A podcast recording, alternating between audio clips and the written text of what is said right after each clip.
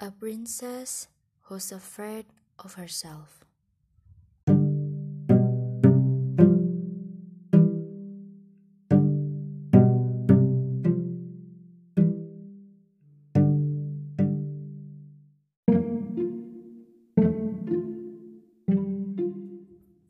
Today, the princess dared herself to run into the forest.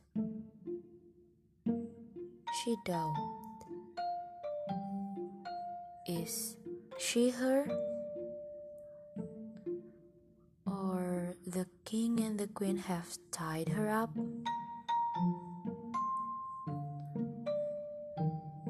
She wants to scream out to the world that from today she shouldn't be afraid anymore. She came to a big tree, whispered to one of its roots. I regret so much things that happened to my life. Why can't I be a loser for so long?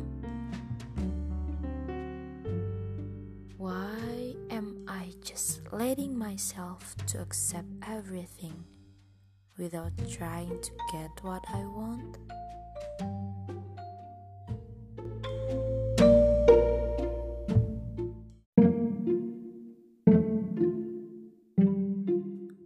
Then the princess cried for a long time.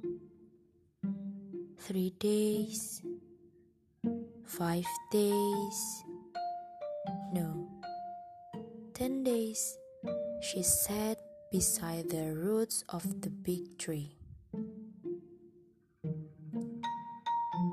Then an old squirrel approached the princess.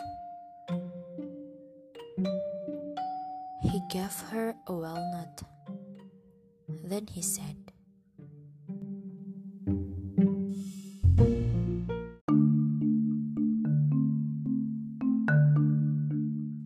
When you die, you can't go back to this world. Be brave, princess. Don't worry about anything that hasn't happened yet.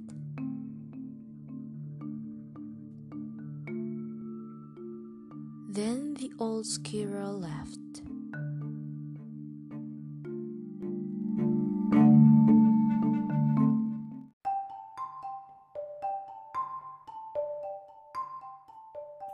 Then the princess started thinking about what the old squirrel said.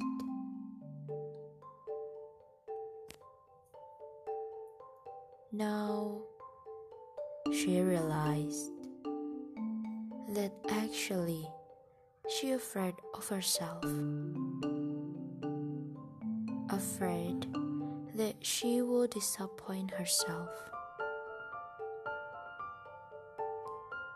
She worried about the whaler. So she just followed the advice of king and queen.